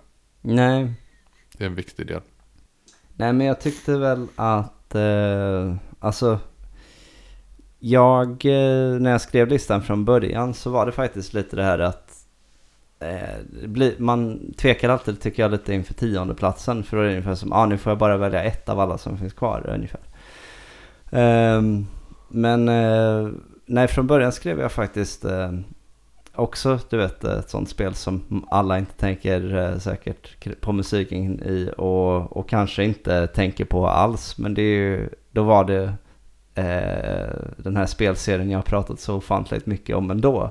Nämligen Advance Wars 2 då. Där jag faktiskt tycker att eh, befälhavarna har eh, jätte så här, distinkta teman och det, flera av dem är väldigt, väldigt, väldigt bra tycker jag. Eh, och ja, passar jäkligt bra i det spelet bara. Och jag tyckte det blir, det blir en bra tionde plats. Jag tycker verkligen om det mycket. Men sen så när jag tittade tillbaka så var det att jag landade då till exempel med Sonic 2 i att ja men Peaks är högre i Sonic 2 överlag och lite grann fick det bli utslagsröstat.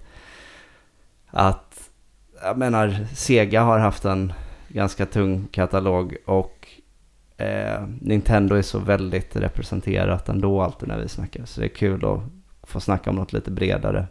Ja. Tyckte jag. Sen eh, som du sa, alltså, man står ju för listorna så som man levererat dem nu och, och man har ju ändå kastat om. Jag har ju kastat om ordning lite grann för någon enstaka då som jag sa. Men, eh, men det är alltid det här när man går tillbaka och tittar och så kan man ändå reagera så här. Eh, ja jäklar, Final Fantasy 7 på åttonde plats alltså. Fast så blir det alltid den här du vet att man börjar scrolla upp och säga Ja men ska jag peta det eller ska jag peta det? Ja, så att, eh, men man brukar tycker jag ändå nå någon sorts... Ja, jag, jag, jag vet inte. Ibland brukar man nå, du vet som det här när man pratar om tiers, alltså tier list Ja. och så. Att man brukar nå någon sorts punkt när man är så här. Nej men jag vet att jag inte håller det över det här i alla fall. Där får gränsen dras. Mm. Så du vet, hade vi snackat och, om det här och jag skulle övertygas on any given day du ska ösa ut argumenten. Då hade du nog kunnat få mig att gå så högt som, säg, jag hade kunnat gå så högt som fjärde plats om det var rätt dag du argumenterade med mig. Men du hade aldrig fått mig att säga över Pokémon liksom.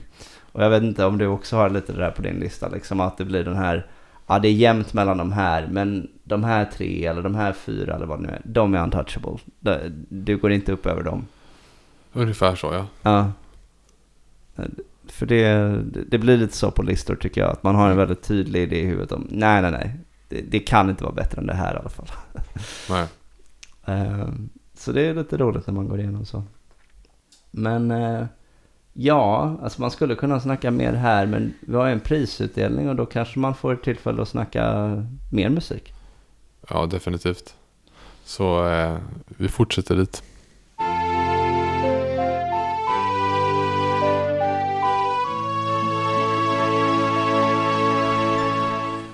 Ja, det här blir alltså tredje året i rad vi kör eh, en prisutdelning som vi kallar det.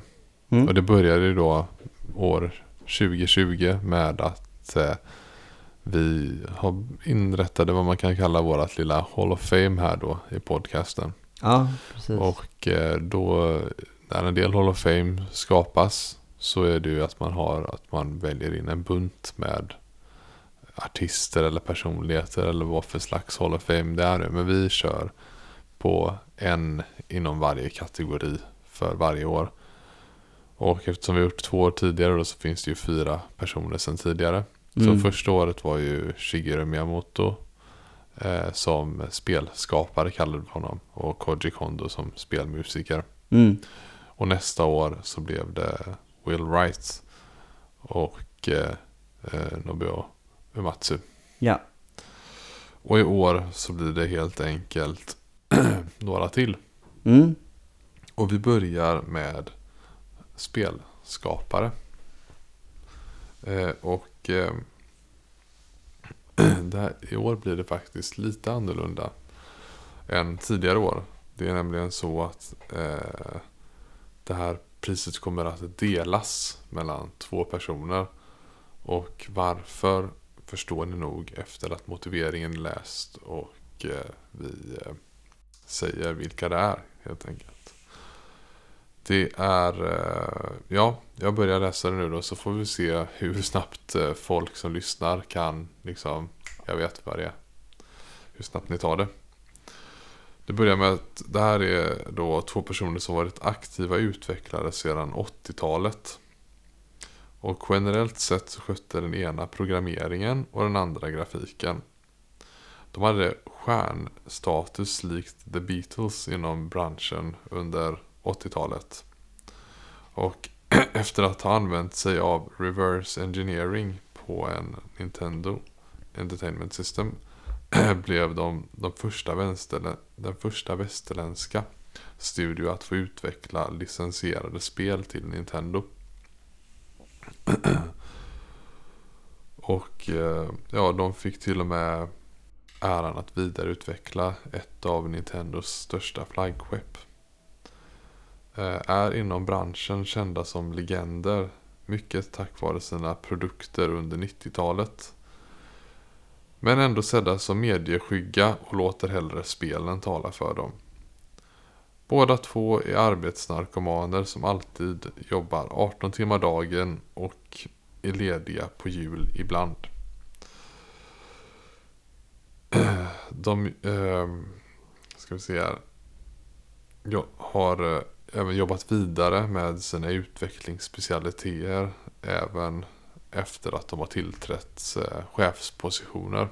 De kunde helt enkelt inte sluta jobba med sin passion. Eh, företaget som de har blivit kända för har släppt titlar som RC Pro Am, Donkey Kong Country, serien där, och Killer Instinct, Blast Corps, Goldeneye eh, och eh, Diddy Kong Racing eh, och eh, Banjo Kazooie, Jet Force Gemini, Donkey Kong 64 och Perfect Dark. Och slutligen så råkar även de här två personerna vara bröder. Så ni som är trogna lyssnare har ju tagit det här för länge sedan. Jag skulle säga att eh, eh, om det hade varit På spåret så hade väl någonstans eh, 10 poängen hade rykt om man inte tog det efter reverse engineeringen på NES. Ja. Precis, det kände jag också där. Eh, men ja, eh, ni får väl pausa och ha den betänketid ni vill. Annars så säger Theo här vilka det rör sig om. Ja, nej det är nämligen bröderna Tim och Chris Stamper.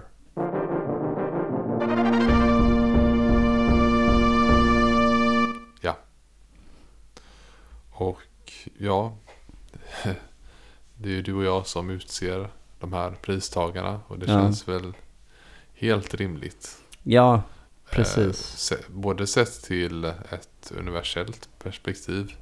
Det är ju inte som att vi sitter och plockar ett eh, hidden gem någonstans. Nej, Och, eh, men även eh, sett till podcastens och våran eh, ska man säga, podcastens historia som i sin tur bygger på våran uppväxtshistoria. ja exakt. eh, De har haft eh, eh, stark inverkan.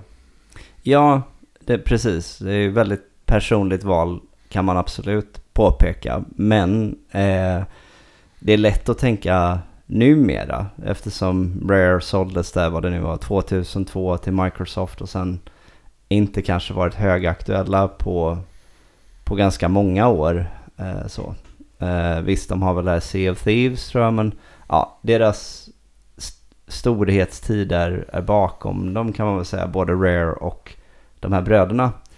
Ja, Stampers, jag tror de lämnade 2007 eller någonting. Ja, Efter ganska intetsägande år där. precis. Så vad man kan ta ifrån dem antar jag väl att deras golden years har varit. Det var 90-talet. Exakt, men Men, ja. för att anspela tillbaka på Beatles-jämförelsen du gav här i Ja. summeringen så alla skulle säga att Beatles var med i ja, någon pop och rock Hall of Fame liksom. Eh, även om de var aktiva, du vet det här bättre än jag, 10 plus år. Ja, det var ju inte så många år det heller egentligen. Nej, det funkar ju inte om det är så. Nej, nej, bara Rolling Stones får vara med. De håller på fortfarande liksom. Ja. Det, är inte, det tycker jag inte var så... Nej, De, de hade ju ändå liksom 20 år nästan av enorm bredd också, får man väl säga. Så visst, det väg, alltså tid man lämnar intryck efter sig. Om det är långtgående, det är klart att det väger in. Mm. Men med sån logik så hade ju Lasse Stefans varit större än Beatles. Så, Exakt. så eh, det, är- det handlar väl också, det är mäktigt i sig om, men det är svårt att se. Men om någon skulle göra väldigt få saker Mm. som ändå vägde så starkt. Ja, se, det kanske dyker upp här någon gång. Men det känns ändå som att det finns någon, något ratio där. Att du behöver ändå liksom ha haft någon slags kontinuerlig aktivitet under ett decennium minst nästan. ja, och ja, vi får ju se hur många vi kommer kunna dela ut det här till. Och, och jag ska inte liksom säga att den här personen lär i, aldrig få det eller så. Men Mm. ett exempel kanske vore att nämna han, eh, tror jag, Alexej Pachinov heter han va? Tetris. Ja, att det är ju ett extremt inflytelserikt spel. Alltså Ja. det går ju nästan inte att mäta. Men det är också det han är känd för. Det är det och så en massa ytterligare variationer på Tetris. mm. Ehm, här tycker jag ändå att de visar den här, visst inte de som är lead på precis allt, men de, den här listan du ändå gick igenom liksom, ja, men de börjar med någonting som är så här racing och så via plattform, de, till FPS senare och de, de var ju också eh, vad ska man säga, alltså Donkey Kong Country var ju en definierande platformer till SNES. Eh, och Goldeneye FPS-et of choice till konsol i princip på, en, alltså på den eh, tiden. Ja, ja men det, alltså just den, med den här i grund och botten reverse engineering historien. Det Mm. blir ju också att bakgrunden är att de ville ju jobba mot Nintendo men fick ett blankt nej först. Ja, Och då sa de, ja men då gör vi det i alla fall. ja. Så blir det lättare att visa att vi faktiskt kan. Mm. Och det var väl då slalomspelet som Ja. de visade upp. Eh, och eh, därefter så har de ju med Donkey Kong Country som du nämner även visat att det var ju eh, någonting som eh, en av Stamp-bröderna verkligen eh, blev eh, som ett signum som var ju att han blev extremt han, var, han nördade ner sig något så extremt i hårdvaran Mm. så att han lärde sig hela arkitekturen Ja, på den. Så han visste ju eh, hur han skulle utnyttja den på Ja. ett sätt som många andra inte visste. Vilket man kan se i Donkey Kong då, Country. ja det är det är extremt snygg grafik för att vara Super Nintendo. Och eh, det, det märker man ju också att eh, det var inte så i Superplay att jag tror att det första Countryt fick 100 i betyg. Mm, jag tror Eh, det. Det kanske var på en Superpower. var det. Precis. Ja. Men ja. att det, det drogs väl tillbaka sen. Att det var lite ett euforiskt betyg. Ja. Men eh, fortfarande. Så eh, då det är ju liksom en slags kvitto på responsen när man såg det spelet. eh, När det kom. Ja, jag menar, det har vi, vi har ju pratat om det här tidigare i podden. Eh, om kärleken till eh, Rare under 90-talet där. Men alltså det, det går ju verkligen inte att eh, liksom underdriva den här grejen att Nintendo har ju alltid haft det här.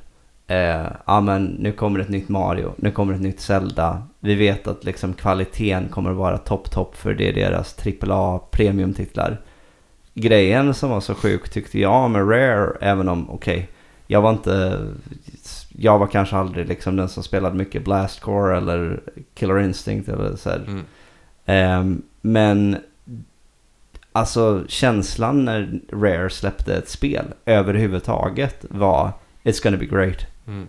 Så det, det, det var väldigt mycket så här Midas-känsla över det. Ja. Eh, och eh, ja, det, de var ju... På den tiden var de nästan ännu mer mi- mina favoriter än Nintendo själva. Ja. Alltså, för jag bara tittade på, ah, men vilket spel det än är, det är ju fantastiskt. Här. Ja. Banjo-Kazooie och Goldeneye och alla de här. ja. Ja.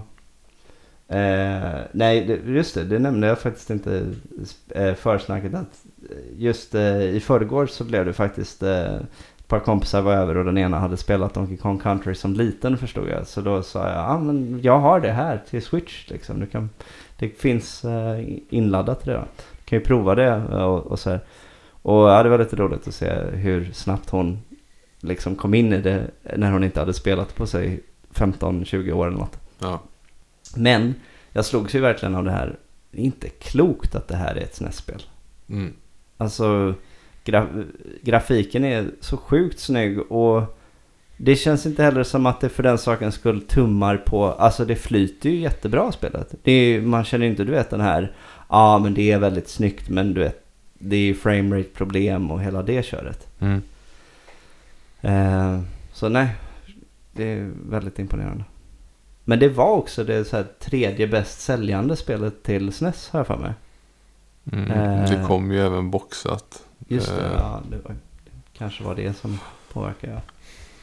Ja, men ehm, som övergång till nästa pristagare så tänkte jag också säga att den här i år är det väl också egentligen det har börjat att hetta till lite om vem som ska få komma med. Ja, Alltså tids nog får ju alla de som påtänks göra det. mm, Men i vilken ordning vi ska ta det. ja, Så i, i år eh, så var det inte lika lätt nej, som första året.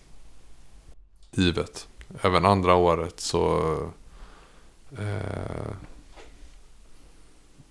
Ja, kompositören var i alla fall helt given förra året och, och Ja. spelskaparen var lite så här. Ah, jo, jo men it makes sense. Det är klart. Ja. Eh, det hade varit, hade det inte blivit honom då så hade det blivit honom nu ungefär. Ja, precis.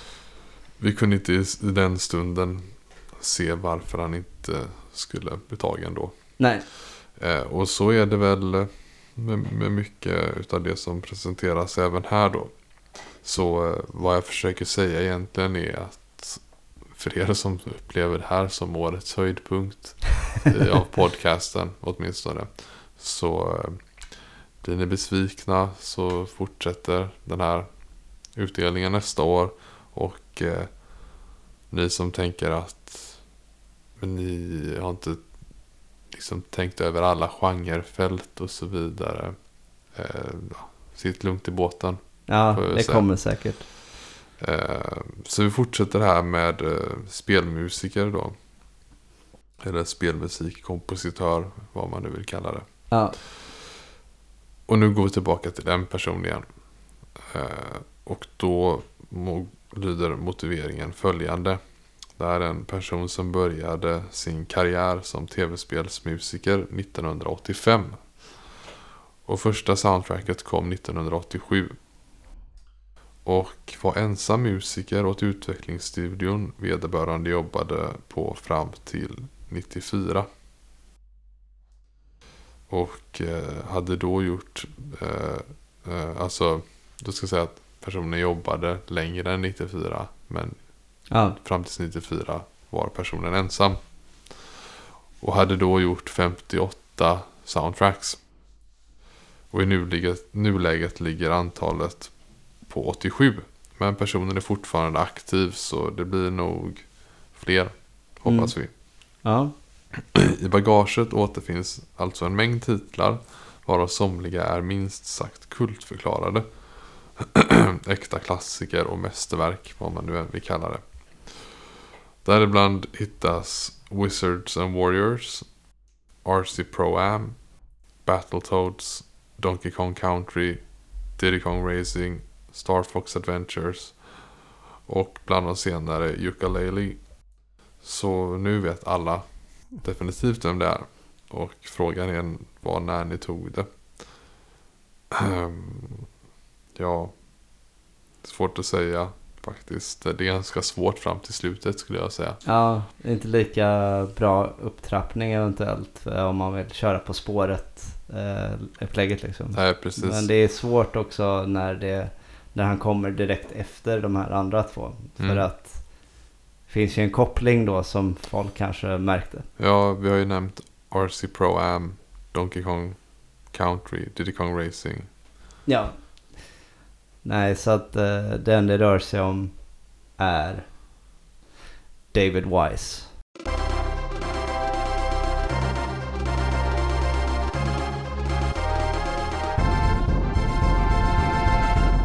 Precis. Så det här första soundtracket 1987 var ju då Slalom som eh, vi pratade om där. Vilket är ganska roligt apropå, jag nämnde ju att jag varit på skidresa nyligen. Mm. Och, eh, och så frågade du om folk åker med musik i backen. Mm. Och nej, inte, inte i hörlurar men ibland eh, i backen så nynnade jag på slalomtemat.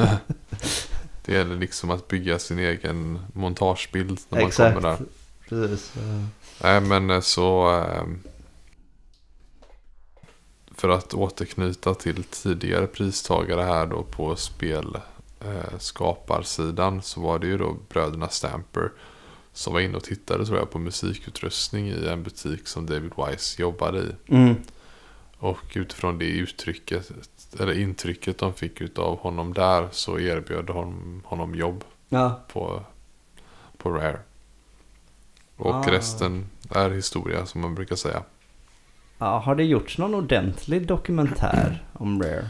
Det finns, de gjorde, på YouTube finns liksom kortare klipp eh, Ja, relativt sett om ungefär som postmortems på deras spel. Att eh, där de går igenom, de ser tillbaka så här på, Just det.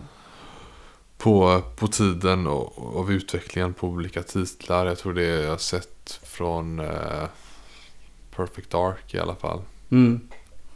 Just det, ja, men det Eh. låter bekant faktiskt. Jag kan ha sett något sånt klipp också. Mm. Men nej, för det känns bara som att det är en sån, eh, det är så mycket som är sådär lite speciellt med Rare. Alltså de, kontoret låg väl typ i Twycross. ja, det låg, ju här- på, låg ju på landsbygden. Mm. Vilket eh, i sig gjorde väl att, tror jag, att de som faktiskt jobbade där levde mer i en bubbla. Ja, Eh, låg utanför Leicester eller någonting tror jag. just det. Det låter, låter bekant. Ja, och det, nej men alltså när man kollar hur många som bodde i den, i den byn liksom. Så Ja. var det 250 personer. Alltså sjukt. eh, Men så började väl Rockstar om jag inte minns fel också. Det kanske inte började men någon gång ska de ha varit på typ skotska landsbygden eller något. Eller blanda Ja, ihop det med något. Nej men några. det låter bekant faktiskt ja. Och jag menar det låter som ett ganska bra koncept tänker jag egentligen. Ja, Eh, för det både och. Jag antar att eh, har du en eh, kanske nu tappar jag ordet här men en, en, någon, en publicist liksom runt hörnet för att du bor i samma stad så kan ju det vara avgörande att du faktiskt kan gå dit och prata med dem fysiskt och sådär. Jo, absolut. Men, Eh, Så vet jag många historier att folk har fått sina spel släppta för att de har varit liksom där på plats. mm, Och så. Men samtidigt tror jag för, för utvecklingsfasens skull så kan det vara ganska skönt att vara mer avskärmat. mm. Jo, verkligen. Alltså, nog lättare att bygga liksom företagskultur av så här, ja men det är, det är vi här. Det, Mm. det är vi som ska göra de bästa spelen och, och hela det. Ja, Men eh, nej, Da- David Wise, eh, när vi hade några olika kandidater, utan att säga vilka eller så. Men Mm. så blev det väl lite att vi landade i att det fanns en viss eh, elegans i att ta båda de här, eller alla de här tre samtidigt då. Eh, och det blev en ganska, det blev ganska enkelt att enas om när man, när det drog åt lite olika håll eh, ett tag. Mm. Så kändes det som, ah, ja men Rare kommer ju alltid få sin, sitt eh, ögonblick här i eh, prisutdelningen. Ja. Så då kan vi köra det nu. Och jag sparade att nämna det nu i den här summeringen av soundtracksen. Att alltså Banjo Kazooie och Diddy Kong Racing är ju också sådana där honorable mentions för mig eh, på en sån här lista. Jag, nu kom det bara med ett av Wise på nionde platsen och så. Men sett till att ehm, leverera. Nu vet jag att Banjo Kazooie är väl i och för sig. Det är väl Kirk Hope eller? ja, Ja, så det är inte Wise just då. Men det knyter ju lite till förra listan ändå. Att Rare mm. öste ut de här kompositörerna. Men nej, alltså han är, han är väldigt duktig och har en väldigt eh, distinkt stil. Mm. Och eh, jag tycker att, jag menar jag spelade ju det här Donkey Kong Country Tropical Freeze för några år sedan. Eh, det är han som gjort soundtracket där och det är väldigt bra igen liksom. Mm. Det är, he still got it. Han är för övrigt väldigt aktiv i sociala medier eh, för Mm. den som är intresserad. Eh, Twitter är väl oftast det enklaste sättet att hitta men han medverkar även på diverse YouTube-kanaler bland annat en där han lär ut hur Korg, alltså det som vi kallar korg på Mm. svenska, deras instrument fungerar. Ja, Om man är intresserad av sånt. Han är en riktig eh, hårdvarunörd. Vilket då märks att han eh, gjorde ett gott intryck när han jobbade i musikaffären. mm. Han har ju fått jobba historiskt sett med väldigt eh, minimala resurser. ja Och ändå gjort något väldigt bra. det, det är det som är väldigt eh, imponerande med de här som hängt med länge. Att, och som är kul då med att han kan göra, det, göra väldigt bra soundtracks i modern tid. Mm. Ehm, men även, ehm, vad heter det, men även lyckas så bra med begränsningarna. Jag såg en intervju för, för eh, några år sedan med en, eh, en sån här annan eh, väldigt, väldigt duktig kompositör från England. Eh, eller från Storbritannien i alla fall. Tim Fallen. Mm. Där han pratade om att ja, tjusningen försvann lite grann för honom när begränsningarna försvann. Att det så var, är det ju för en hel del. Har ja, man märkt. Att det finns nästan som två olika erors kompositörer. mm, Och nu verkar det som att vi har främst lyft fram de som har gjort starkast intryck i den första eran. ja, Den första eran kan man ju sen dela in i olika subsegment tänker jag. Men det är väl framförallt fram tills att eh, det spel gick över till CD-format kan man Mm. säga. Nej precis. Och, eh, men det ser man ju även i våra topplistor sådär att det Mm. finns en, eh, en övervikt där mot, mot första eran helt klart. Men eh, ett annat eh, tema som jag faktiskt ville, eller ett annat soundtrack som jag ville nämna som honorable mention var eh, Donkey Kong Land 3. Ja, Jag tror att det var ett samarbete mellan honom och Evelyn Fisher. ja, Men, ehm, men alltså jag tycker att det funkar bättre med Gameboyens, eh, du vet, eh, upplägg. eh, Mm. Eller ljudchip då. Än eh, SNES. Eh, för många av dem blir sådär, du vet, råare som de blir på Gameboy. ja. Och eh, nej men jag lyssnade igenom det bara häromdagen och kände så här, fan det här är, det är så många bra teman här. Och när jag går tillbaka och lyssnat på soundtracket i SNES så har jag känt mycket mer så här, ja men det, är- det är okej men det är inget Donkey Kong Country 2 liksom. Mm. Eh, så ja, jag, om man gillar Gameboy-soundet så kan jag absolut tipsa om det. Eh, Så där Land hade det kunnat konkurrera med din, eh, vad blev det, nionde plats? Alltså, ja för mig kan det faktiskt det. För att Donkey Kong Country 2 var, tror jag jag nämnde var lite det här som mest påminde om en sån här Gudfadern 2-pick för mig på en Mm. lista. Att jag vet att det är jättehyllat och jag tycker faktiskt också att det är väldigt bra. Den typen av grej. Men om jag ska gå mer på en eh, så här personligare grej. Att ja, men det här har jag alltid återkommit till att nynna på i alla möjliga lägen. Och, och du vet, det här ger folk inte credit på samma sätt. Ja, då är det lättare för mig att hamna i att så här, ja men det, det hade jag lyft fram.